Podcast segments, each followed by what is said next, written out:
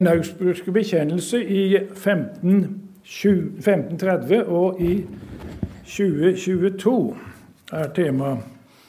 Og Under arbeidet med dette innledningsforedraget så har det gått opp for meg at det er nesten umulig å løse oppgaven på 40 minutter. Nesten umulig. Og jeg håper å ikke gå stort utover en sånn tidsramme.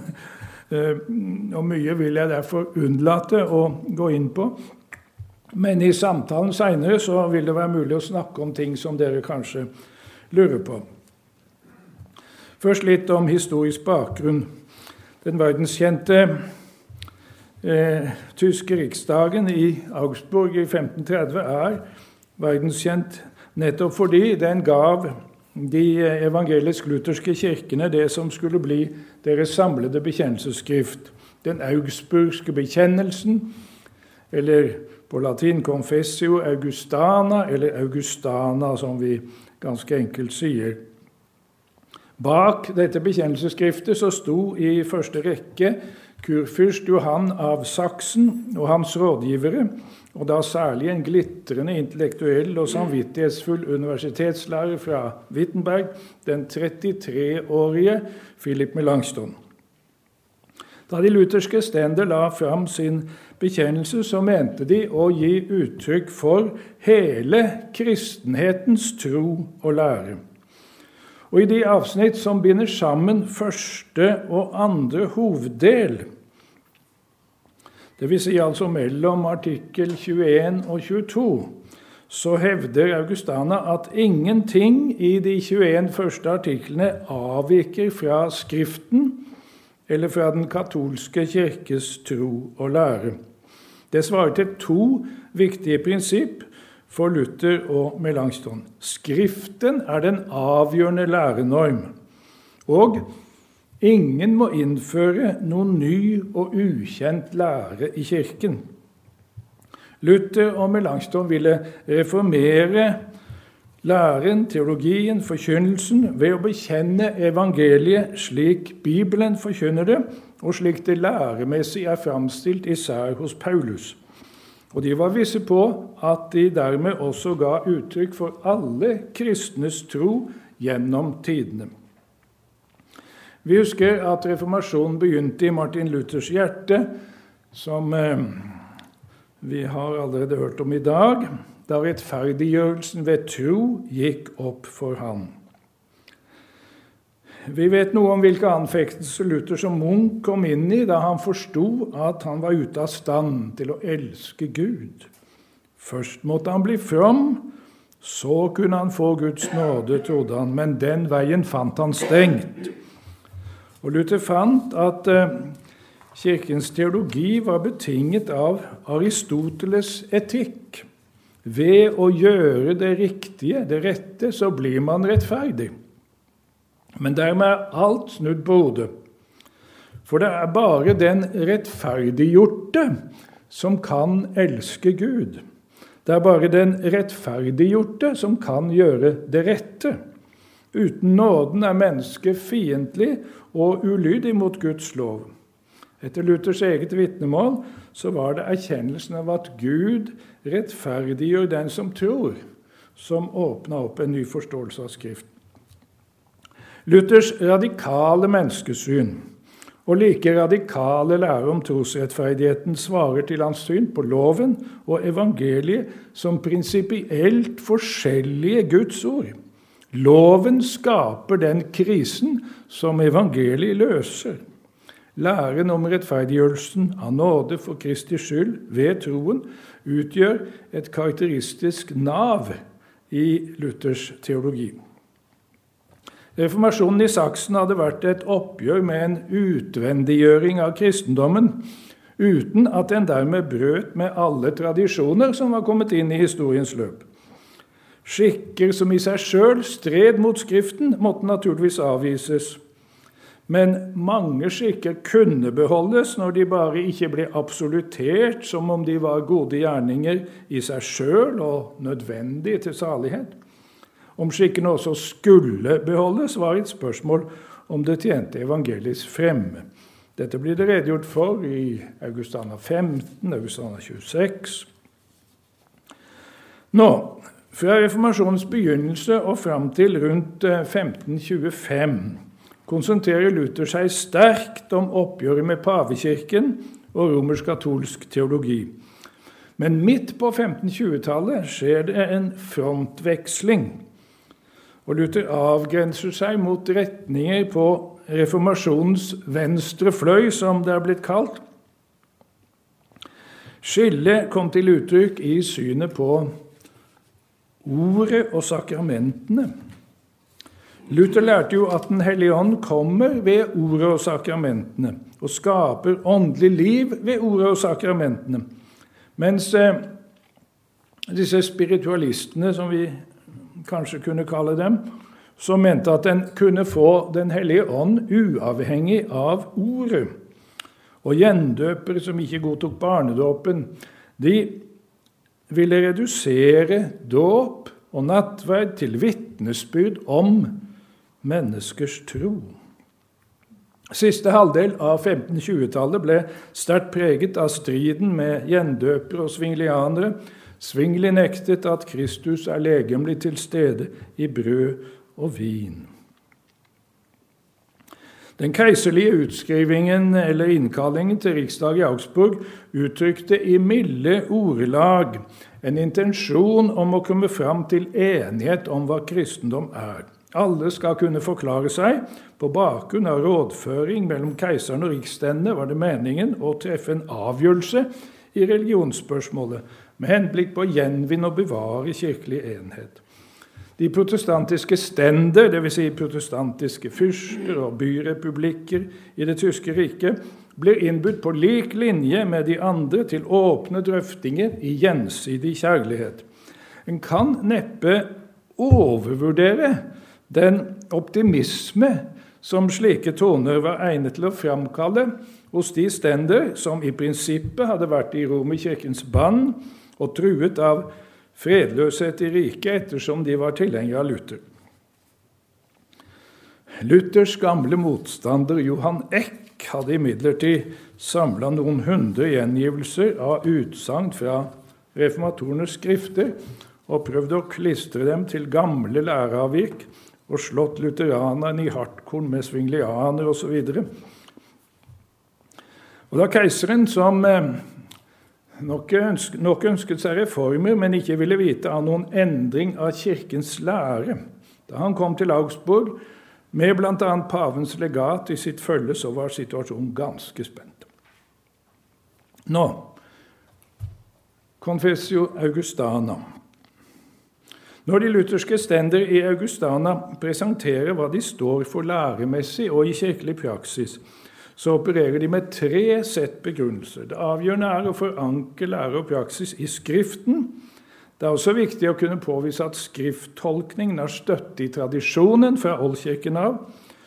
Og Lutheranerne legger da vel å merke til grunn at Bibelen skiller mellom gyldig og ugyldig tradisjon. For det tredje forsvarer også de lutherske seg, ofte med henvisninger til kirkeretten. I første del av bekjennelsen, altså artikkel 1-21, så vil de lutherske dokumentere at deres lære samsvarer med Skriften og Kirkens gamle tro. Og i andre del, artiklene 22-28, så vender de anklagen om egenrådighet mot motparten og forsvarer de ordningsmessige endringene nettopp som reformer, altså tilbakevenden da til lydighet mot Guds bud og ordning, og også til den gamle kirkes praksis. Todelingen av Augustana passet sammen med Melanchtons dobbelte strategi, nemlig på den ene side å bekjenne troen, og på den andre side å søke forlik med den romersk-katolske motparten. Melanchthon kunne disponere stoffet sånn at kritikken av pavekirken av papistene i størst mulig grad kom i artiklene om visse misbruk, som det heter, og ikke i læreartiklene. Altså i andre del og ikke i første del. I en avsluttende kommentar til første hoveddel så sier Augustana at her er læren framstilt nærmest i en sum. Dette er omtrent summen av vår lære. Og hevder at ikke noe av dette er i strid med Skriften, eller med den alminnelige kristne kirke, eller med den romerske kirke, slik den er kjent fra de gamle forfatterne. Det er derfor urimelig å kalle de lutherske for vranglærere. Hele uenigheten gjelder noen misbruk som har trengt seg inn uten sikker autoritet. Ettersom reformene i høy grad framstår som nødvendige konsekvenser av læren, så etterlater disse overgangsavsnittene mellom artikkel 21 og 22 seg et forklaringsproblem. Men så er også misbruk for Melanchthon ikke avgrensa til skikker, men omfatter også, og framfor alt, forvrengninger av læren. Men når Melanchthon behandler nødvendige reformer som oppgjør med misbruk, men samtidig subsidiært kan antyde at de kan betraktes som skikker som ikke trenger å være ensartede, da ser jeg for min del på det som en inkonsekvens som springer ut av Melanchtons sterke ønske om forlik med den romersk-katolske motparten. Eh, under de forhandlingene som ble ført mellom de lutherske og de romersk-katolske i august i 1530 i Augsburg, så var det nok drøftinger om synd og nåde, om boten og mer. Men det som det hele stranda på, slik at det ble brudd i forhandlingene, det var uenigheten når man kom til reformartiklene, særlig om nattverdutdeling, om presters ekteskap og forståelsen av messen. Men brudd ble det nettopp fordi det handla om lære og samvittighetsforpliktelse. I tillegg til det som er å si ut fra Skriftens lære om nattverden, om offer og forsoning og om ekteskapet, så kan vi også peke på at lutheranernes oppgjør med at nattverdkalken ble unndratt fra lekfolket, med at nattverden ble gjort til offermesse, og med krav om sølibat. Disse tingene har det til felles at oppgjøret med dette rokker ved de romersk-katolskes forestilling om et prinsipielt skille mellom prester og lekfolk, altså en geistlig og en verslig stand i kirken. Nå til de tre første artiklene. Med artikkel 1 bekjenner de lutherske menigheter seg til den felles kirkelige treenighetslæren. De fordømmer fornektelse av treenighetslæren og av læren om Jesus Kristus som sann Gud og sant menneske. Blant annet nevner de da arianere og muhammedanere. Arianismen har en videreføring i vakttårnselskapets lære, kan man si. Men for oss kommer det kanskje noe overraskende at Augustana så å si bryter oppregningen av kristologiske avvik i oldkirkens dager og nevner muhammedanerne. Historisk og fenomenologisk så har jo den religion som kaller seg islam, lånt fra jødedom og kristendom. Men det er en ikke-kristen religion som avviser treenighetslæren, avviser Kristi guddom og i det hele tatt avviser hele den kristne virkelighets- og frelsesforståelse og forståelse av samfunn med Gud. Det tyrkiske presset fra sørøst i Europa hadde allerede gjort mange kristne til undersåtter under en islamsk hersker, og det var viktig å advare mot å bli forført av fremmed fromhet. For reformatorene representerer den fremmede religionen en demonisk makt. Artikkel 2 om arvesynd fordømmer pelagianerne. På 400-tallet var det en kar som heter Pelagius, som hevdet at alle mennesker er utrustet med fri vilje til å velge mellom godt og vondt. Pelagianske tanker fikk innplass blant folk, og har, tror jeg, mer eller mindre hatt det til denne dag. For ofte hører vi ikke påstått at mennesket har fri vilje. Den pelagianske striden begynte som en strid om hva Adams fall innebærer. Bølgene gikk høyt. Jeg ber dere om å roe dere litt, måtte Augustin si under en preken, der han argumenterte ut fra Jesus' samtale med Nikodemus, Johannes 3, for at dåpen er nødvendig også for spedbarn, og ut fra Romerne 5, for at Adams synd gjennom den naturlige forplantning er formidlet til alle senere generasjoner. En stor synode i 418 fordømte Pelagius' lære og hevdet mot Pelagius at døden kom inn på grunn av synden, at barna må døpes på grunn av Adams fall, og at vi hver dag trenger Guds nåde for å få synsforlatelse og å kunne unngå synde. Enkelt tror jeg vi kan si at Pelagius i sin iver for moralsk fornyelse forveksla en ytre rettferdighet med den åndelige rettferdighet. Her kan vi tenke på Augustana 18, som utdyper artikkel 2, og som handler om menneskets vilje å skille mellom ytre rettferdighet, som fornuften kan frambringe, og den indre, åndelige rettferdigheten, som Den hellige ånd virker gjennom Guds ord i hjertene.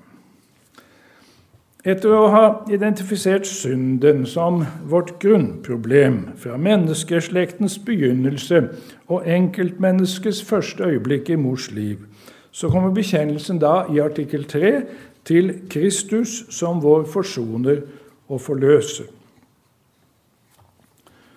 Og så går jeg nå videre til artikkel 4, 5 og 6. Menneskesynet og rettferdiggjørelseslæren henger nøye sammen. Etter de tre første artikler følger artikkel 4, 5 og 6 eh, artikler som handler om rettferdiggjørelsen ved troen den hellige ånds troskapende virke ved ordet og sakramentene, og de gode gjerninger som springer ut av den rettferdiggjørende troen. Dette er kjernestoff i Augustana som tydelig profilerer evangelisk luthersk lære. Augustana 4-5 må vi egentlig lese som en dobbeltartikkel. Eh, denne dobbeltartikkelen lærer oss at Den hellige ånd blir gitt ved ordet og sakramentene. At det er Den hellige ånd som virker troen, og at vi får synsforlatelse og rettferdighet ved troen på evangeliet, ikke ved egne anstrengelser. Og Gud har derfor innsatt tjenesten med å forkynne evangeliet og rekke mennesker sakramentene. De som da lærer at vi får Ånden ved egne anstrengelser og uten det ytre ordet, blir fordømt.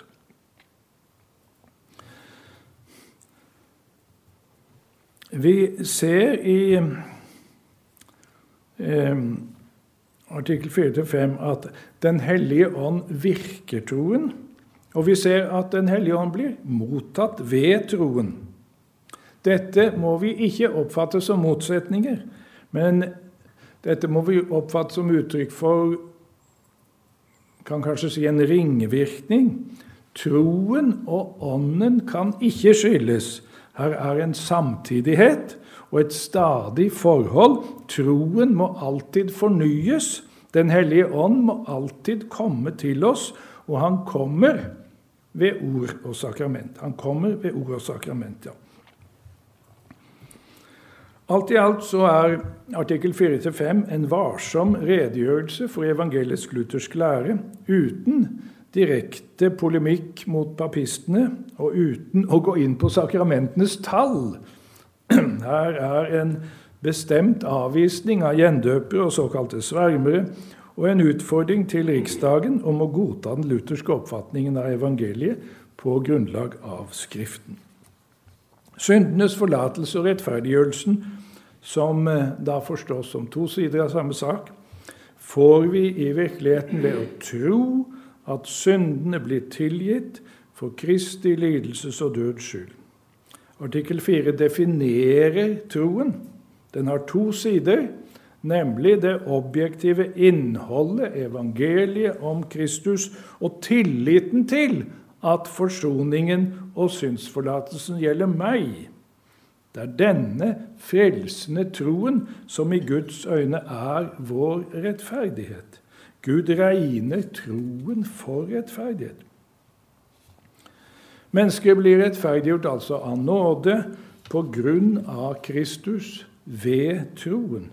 Dette er eksklusive uttrykk. Nåden utelukker fortjeneste fra vår side. Kristi død utelukker medvirkning fra vår side. Troen utelukker gjerninger fra vår side. Men som Melanchthon poengterer i apologien for Augustana, så er det ikke tale om å utelukke ordet og sakramentene. Og det er heller ikke tale om å utelukke at kjærlighet og gode gjerninger skal følge etter troen. Men, sier han, tilliten til kjærligheten og gjerningene som fortjeneste er utelukket i rettferdiggjørelsen.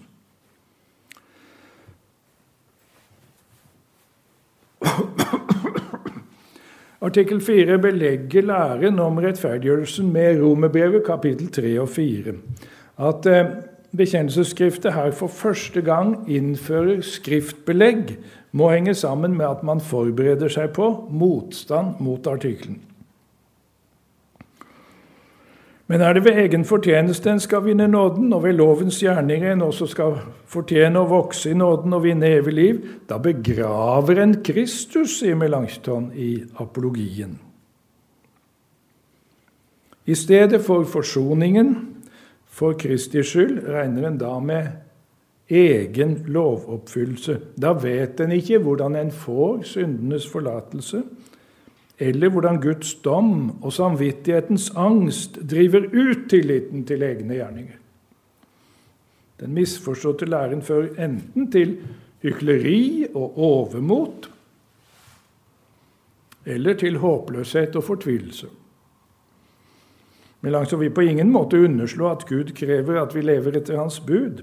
Det må også ha gjenklang i fornuften og at vi også til en viss grad er i stand til å gjøre dette ved egne krefter. Men han skiller skarpt altså mellom en ytre rettferdighet, eller fornuftens borgerlige rettferdighet, som har sin lønn i dette liv, og på den annen side den åndelige rettferdighet som holder for Gud. Det samme gjør Luther, og som Concordie-formelen fra 1577 sier i selve rettferdiggjørelsen, rettferdiggjørelsen som sådan, så handler det verken om forutgående anger eller etterfølgende gjerning. Dette har ingen plass i selve rettferdiggjørelsen.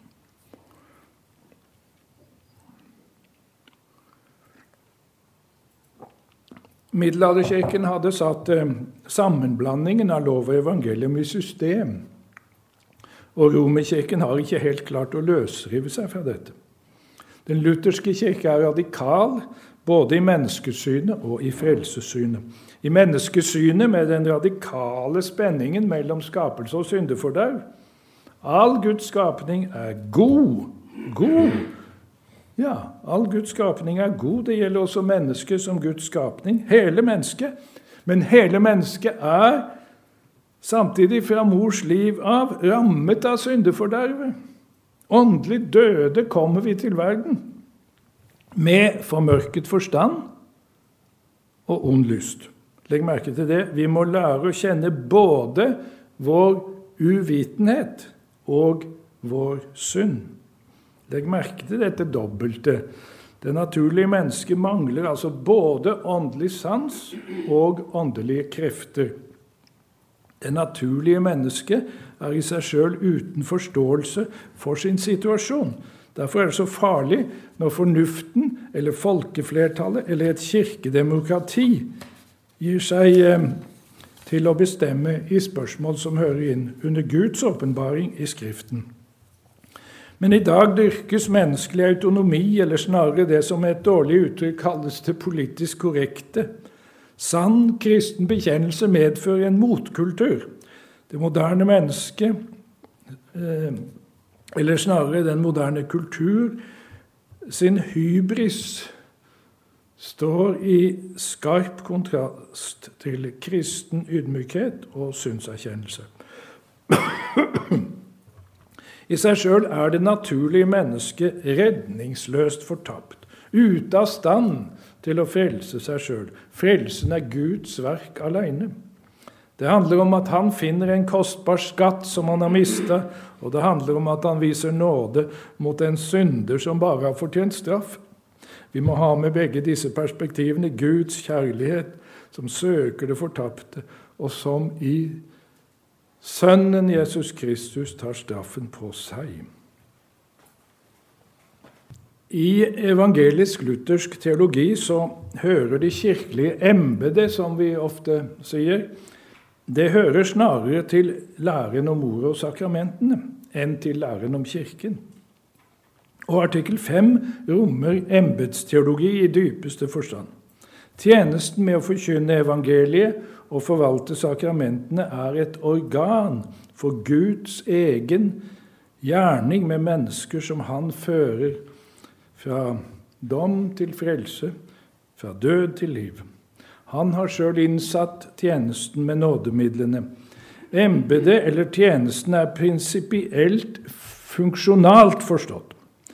Når vi i luthersk læretradisjon samler tjenesten med å forkynne ordet og forvalte sakramentene i begrepet det kirkelige embetet, så er det i prinsippet en forenkling i forhold til det nytestamentlige mangfoldet av nådegaver, tjenere og tjenester, men det ligger også i det en konsentrasjon om basisfunksjoner, om funksjoner som er kjennetegn på menigheten, og det nettopp fordi de konstituerer menigheten. Menigheten er der hvor evangeliet blir lært rent og sakramentene forvaltet rett, som det står i artikkel 7. For Guds ord vil aldri være helt uten frukt. Grenseoppgangen mellom embetets og fellesskapets ansvar er både viktig og vanskelig. Menighetene må ikke må så visst ikke la seg voldta og umyndiggjøre av urette prester og menneskelagde strukturer. Og prester og predikanter på sin side må ikke komme i lomma på tilhørerne eller la seg fange av kontaktflaten. Med artikkel 6 avrundes behandlingen av rettferdiggjørelsen, og gode gjerninger beskrives som frukter av troen og gjerninger som Gud har gitt befaling om. Vi må se artikkel 6 sammen med den aller lengste av artiklene i første hoveddel, nemlig artikkel 20, som du kan lese som en ekskurs til artiklene 4, 6 og 18. Like viktig som det er for Augustana å framholde at rettferdiggjørelsen skjer ved troen alene og ikke ved våre gjerninger, like viktig er det å framholde at den frelsende tro er den som liter på løftet om syndenes forlatelse, og som dermed er visshet om å ha en nådig Gud. Vi skal lese et, noen setninger fra artikkel 20, eh, hvor det står slik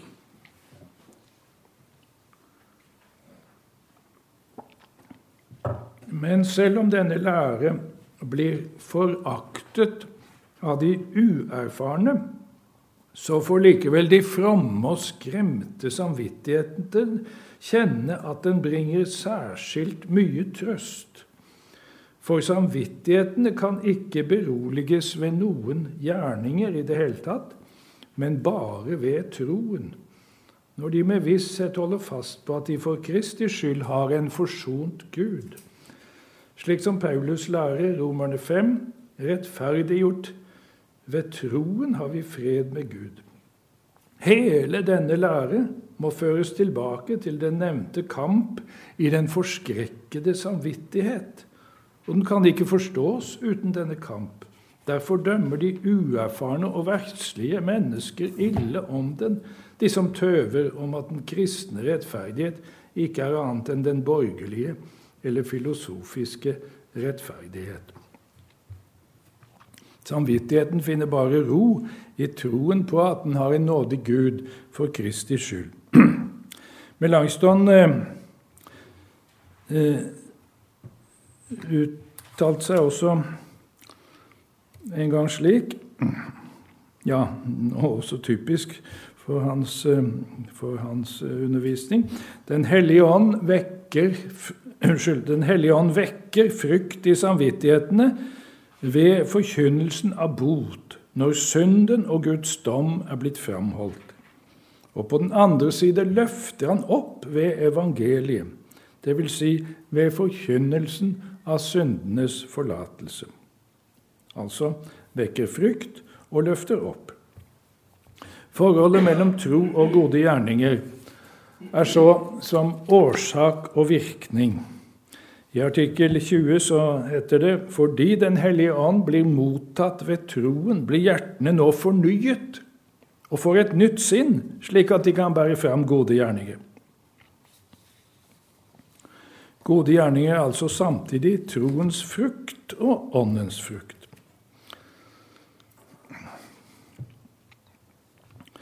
Så om sakramentene. I lærebekjennelsen er Melanchthon opptatt av å vise at luthersk teologi er bibeltro, tro mot Den gamle kirke og nådemiddelteologisk.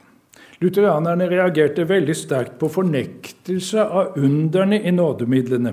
Gud handler i ordet og sakramentene. Det skjer noe. Gud gjør under. Og lutheranerne avgrensa seg tydelig mot gjendøpere og mot dem som nektet Kristi reelle legemlige nærvær i nattverden.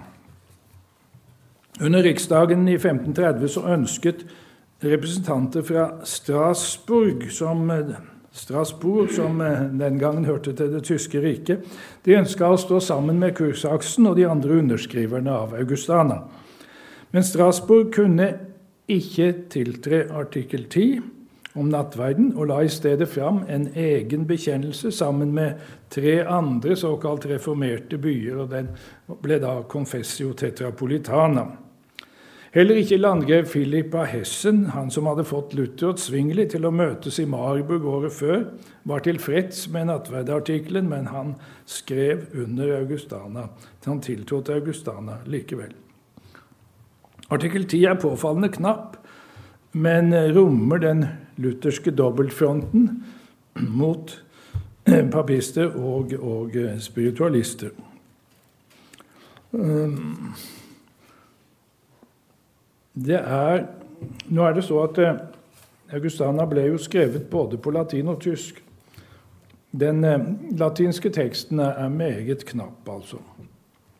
Om Herrens nattverd lærer de at Kristi legeme og blod i sannhet er til stede og blir utdelt til dem som er med og eter i Herrens nattverd, og de misliker dem som lærer annerledes. Det er et relativt lavt presisjonsnivå. Eh, men den tyske teksten ligger på et høyere presisjonsnivå.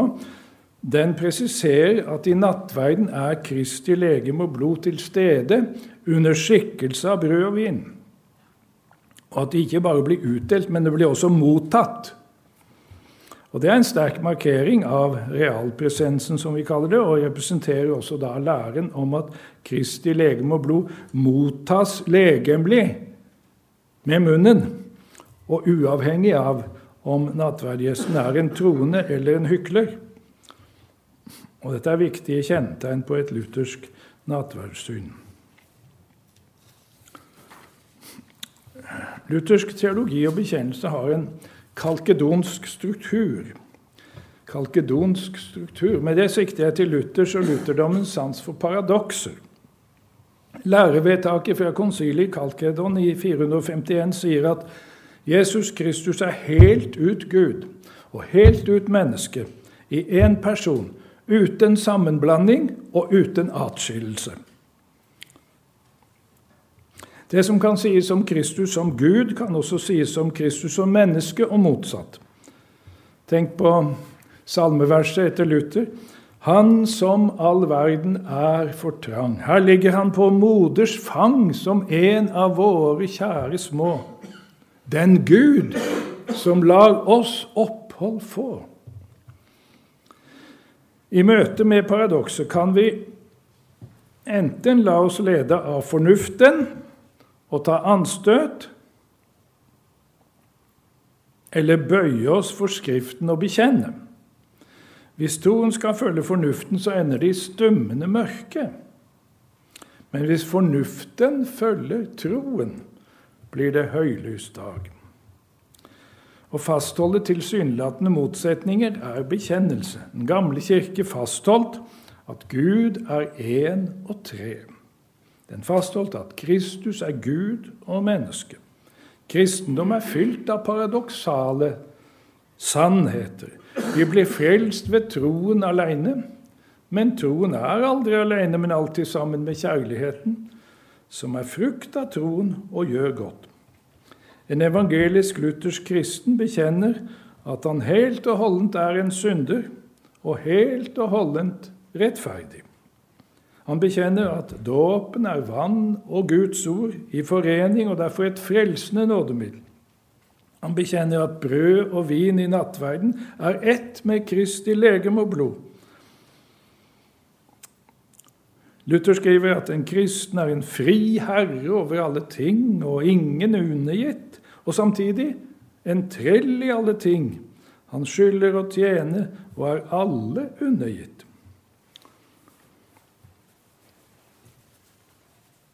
Dette henger også sammen med korsteologien. Herligheten er skjult under en eh, tilsynelatende motsetning.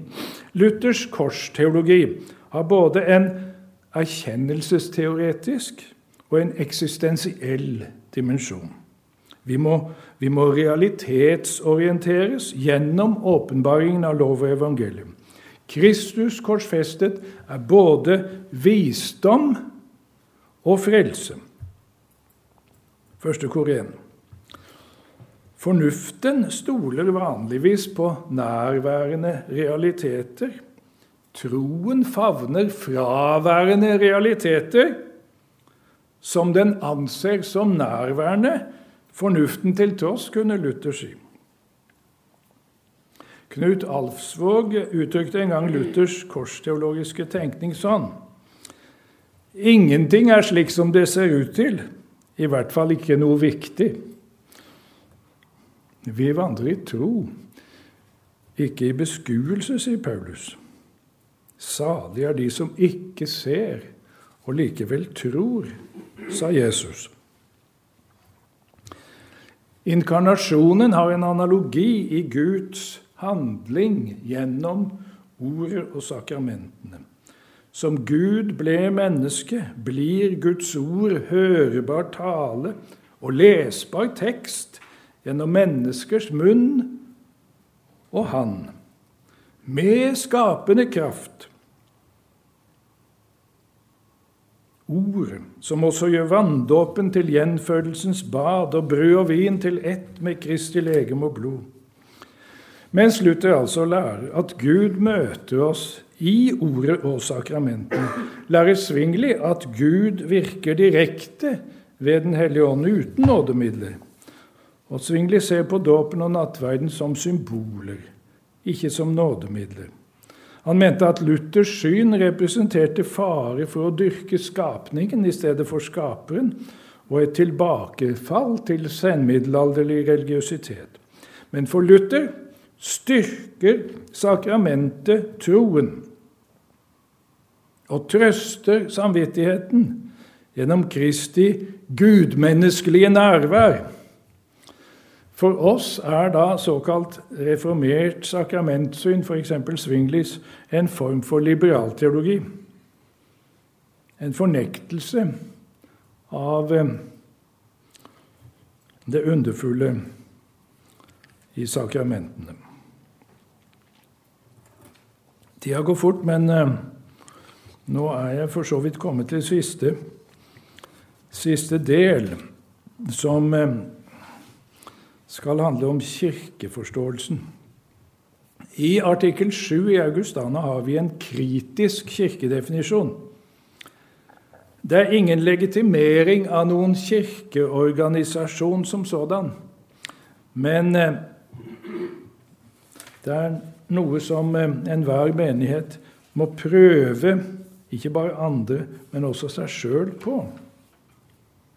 Kirken er forsamlingen av de hellige der evangeliet blir lært rent og sakramentene forvaltet rett. Eh, når Kirken er det, så blir spørsmålet eller så, så, svarer denne definisjonen både på spørsmålet 'Hvem er Kirken?' og på spørsmålet 'Hvor er Kirken?' Hvem er Kirken? Den er altså forsamling av ja, Vi sier jo gjerne av de hellige, men vi kunne også oversatt det med helgener, for det er samme begrepet. Sanctus på latin. Kirken er altså en forsamling av helgener, av hellige mennesker. Kirkens hellighet er den tilregnede hellighet. Den tilregnede rettferdighet som er skjult og gjenstand for tro. Men den er også det nye menneskets aktive livsrettferdighet, som kanskje blir oversett i skyggen av ting som tar seg stort og flott ut i verdens øyne. Men en livsrettferdighet som også stadig blir motvirket av det gamle menneskets synder. Og Vi må også regne med at det ytre menighetsfellesskap også rommer hyklere, som artikkel 8 er inne på. Kirken er ikke usynlig, men hvem som i sannhet er helgenene, det har ikke vi manntall over. Det manntallet er i himmelen. Sånn sett er Kirken skjult. Men den er en forsamling. Den kommer sammen, og den sikter på å vinne stadig nye mennesker. Med den kirkenød som vi opplever i dag, så kan det være fristende å trekke seg tilbake og tenke at en skal være kristen alene, sånn helt for seg sjøl. Men det går ikke an. Sånne kirkelige huleboere er fremmed for Det nye testamentet. Paulus sier fordi det er ett brød, er vi ett legeme, enda vi er mange. For vi har alle del i det ene brød. Første kor ti. Å være kristen er å være en del av Kristi legeme. Å ha del i det ene brød. Hvor er altså da Kirken? Jo, den er der evangeliet blir lært rent og, og sakramentene forvaltet rett, sier Augustana. Og Det betyr at nådemidlene er kjennetegn på Kirken. Nettopp fordi de skaper Kirken. De er nemlig midler som Gud gir Den hellige ånd ved, som eh, artikkel 5 sier. Hva betyr det at evangeliet blir lært rent? Ja, det er nok mye diskutert, men sett ut fra den reformasjonshistoriske konteksten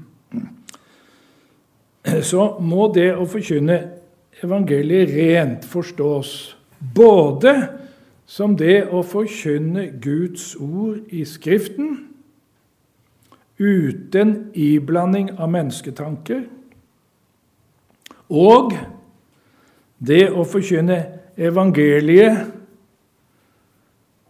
eh, kan, jeg kunne si uten iblanding av loven, altså til forskjell fra loven, uten å underslå loven, men uten å blande lov og evangelium. Å forkynne evangeliet som løsning på den krisen som loven skaper. Ja, Hvordan er det egentlig med loven? Hvor blir den egentlig av i Augustana 7? På liberalt hold så kan de jo være tilbøyelige til å si at loven har ikke noe med kristendom å gjøre. Så ingenting i Augustana 7 om å være enig om loven, kan de si. Noen mener f.eks. at en kan være dypt uenig om homoseksuell praksis uten at enheten tar skade. Med rette protesterte eh, generalsekretær Jens Ole Christensen i Danmark mot en sånn oppfatning og uttrykte det slik.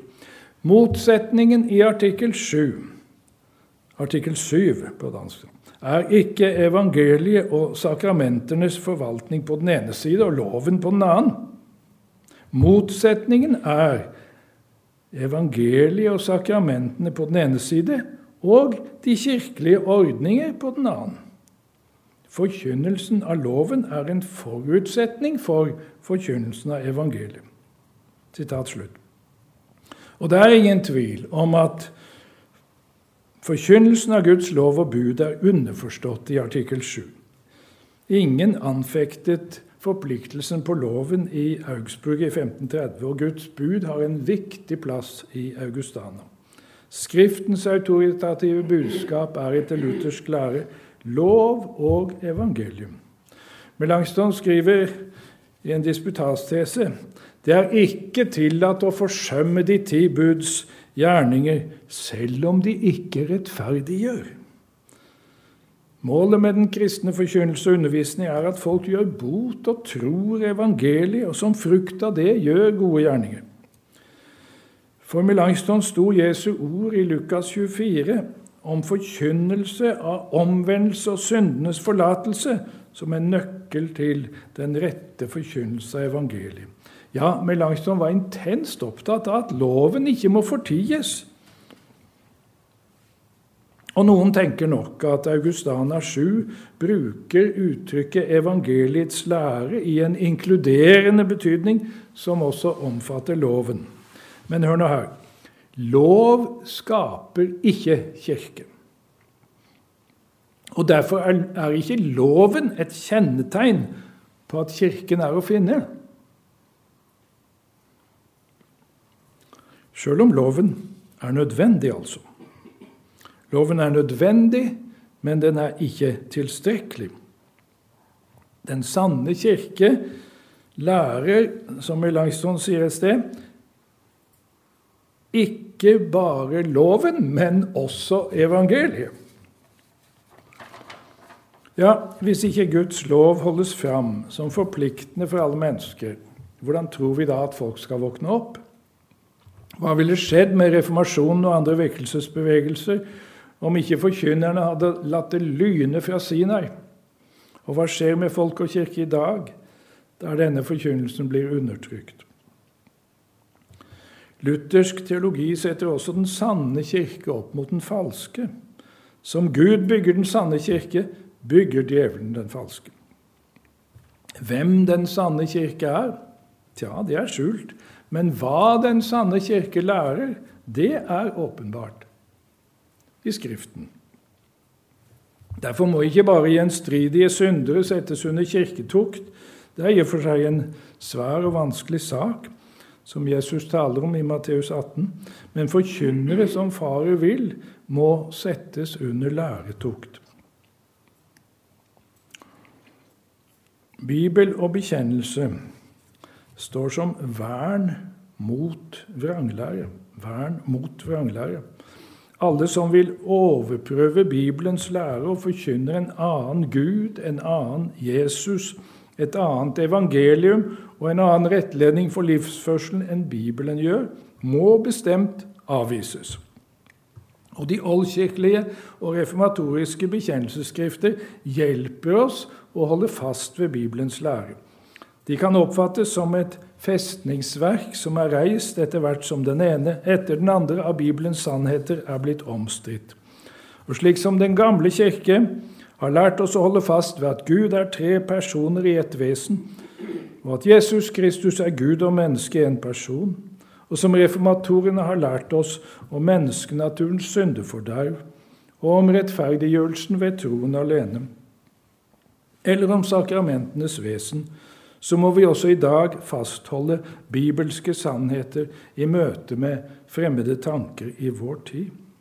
Det gjelder troslæren, men det gjelder også etikken, som på en særlig måte har vært under angrep fra sekulariseringen i samfunnet.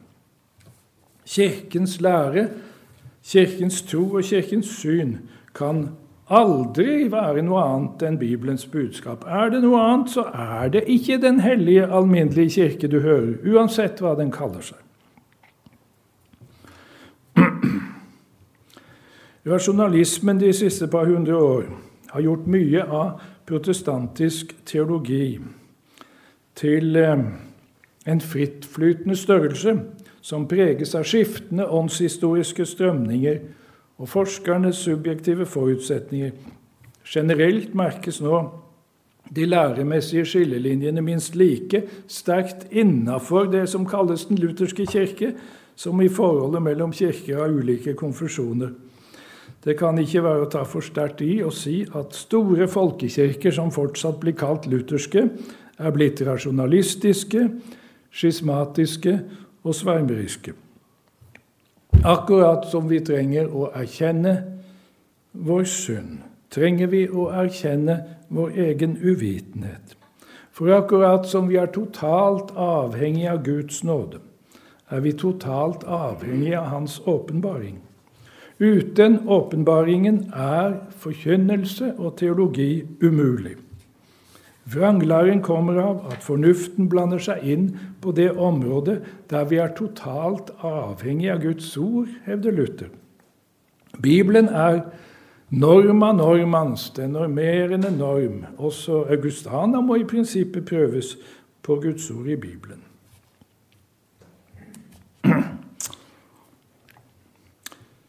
Guds bud må forkynnes konkret og aktuelt mot all ugudelighet, vantro og synd. Menneskets unike verd og høye mål må forkynnes. Løgnen om mennesket som bare et høyerestående dyr, løgnen om den ufødte som ikke fullverdig menneske, løgnen om livet og løgnen om døden må avsløres. Luthersk bekjennelse avviser ikke bare avviser ikke bare bibelfornektende og antinomistiske, altså lovfiendtlige tanker, som går hånd i hånd med verdens vantro og verdens overmot og rop om autonomi, og som må avsløres som religiøse varianter av vantro og menneskelig hybris. Luthersk bekjennelse avviser jo det, men ikke bare det. Den er ikke luthersk om den ikke fastholder de lutherske reformatorenes dobbelte frontstilling mellom de romersk-katolske på den ene side og reformasjonens venstrefløy på den andre side. Fortsatt handler det bl.a. om rettferdiggjørelseslæren og om sakramentlæren.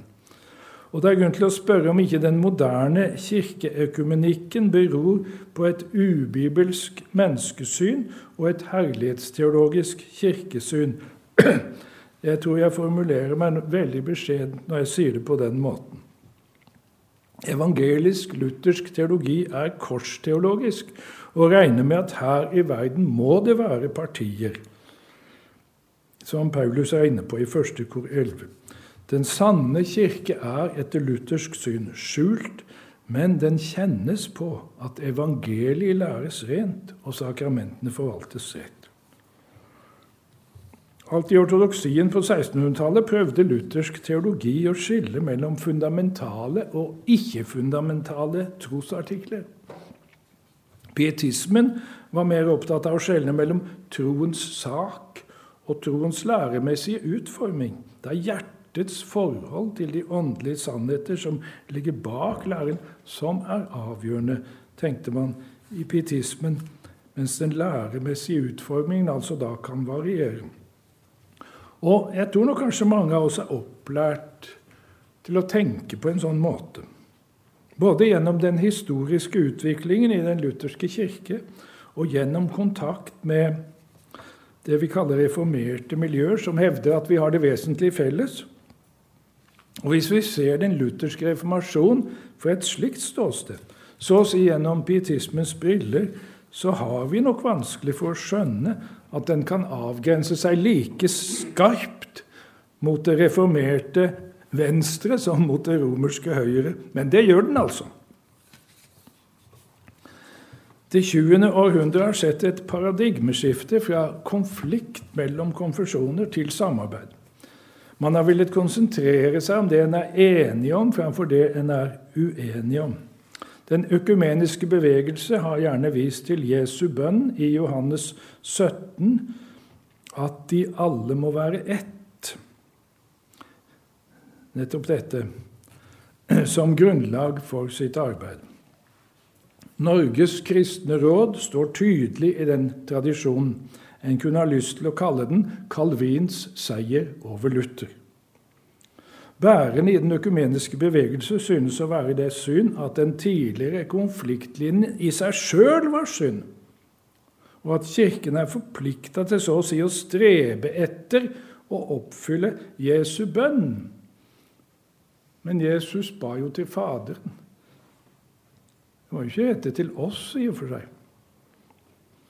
Under disse rammevilkår utarbeides da konvergensdokument, som altså legger til grunn at en er enig om det viktigste, og at de ulike læretradisjoner ikke fullstendig utelukker hverandre. Tvert imot konvergerer de. Det er en tilnærmingsprosess. Felleserklæringen om rettferdiggjørelseslæren er et eksempel på et slikt dokument. I eh, store trekk er det gamle lutherske kravet om enighet skifta ut med reformert konvergenstenkning. Og Det står ikke til å nekte at dette er skjedd i en tid med svekka læremessig bevissthet og sterke individualistiske strømdrag. Men enhet, kirkelig enhet, må da være basert på sannhetens grunn og dermed på enhet i læren. Er det ikke det både Bibelen, sammenlign f.eks. Efeserne 4, og bekjennelsen lærer oss? FBB tenker jeg, har en oppgave i å peke på hva som er nødvendig og tilstrekkelig til sann kirkelig enhet. Rett forkynnelse og lære og rett sakramentforvaltning, altså. Og da å spørre hvor grensene går, mot det romersk-katolske til høyre, mot det reformerte til venstre, og ikke minst mot det liberalteologiske og sekulære i samtida. Oppgaven består etter min oppfatning også i å se etter hvor det har sporet av fra apostlenes lære. For veien framover er jo på mange måter veien tilbake til arven.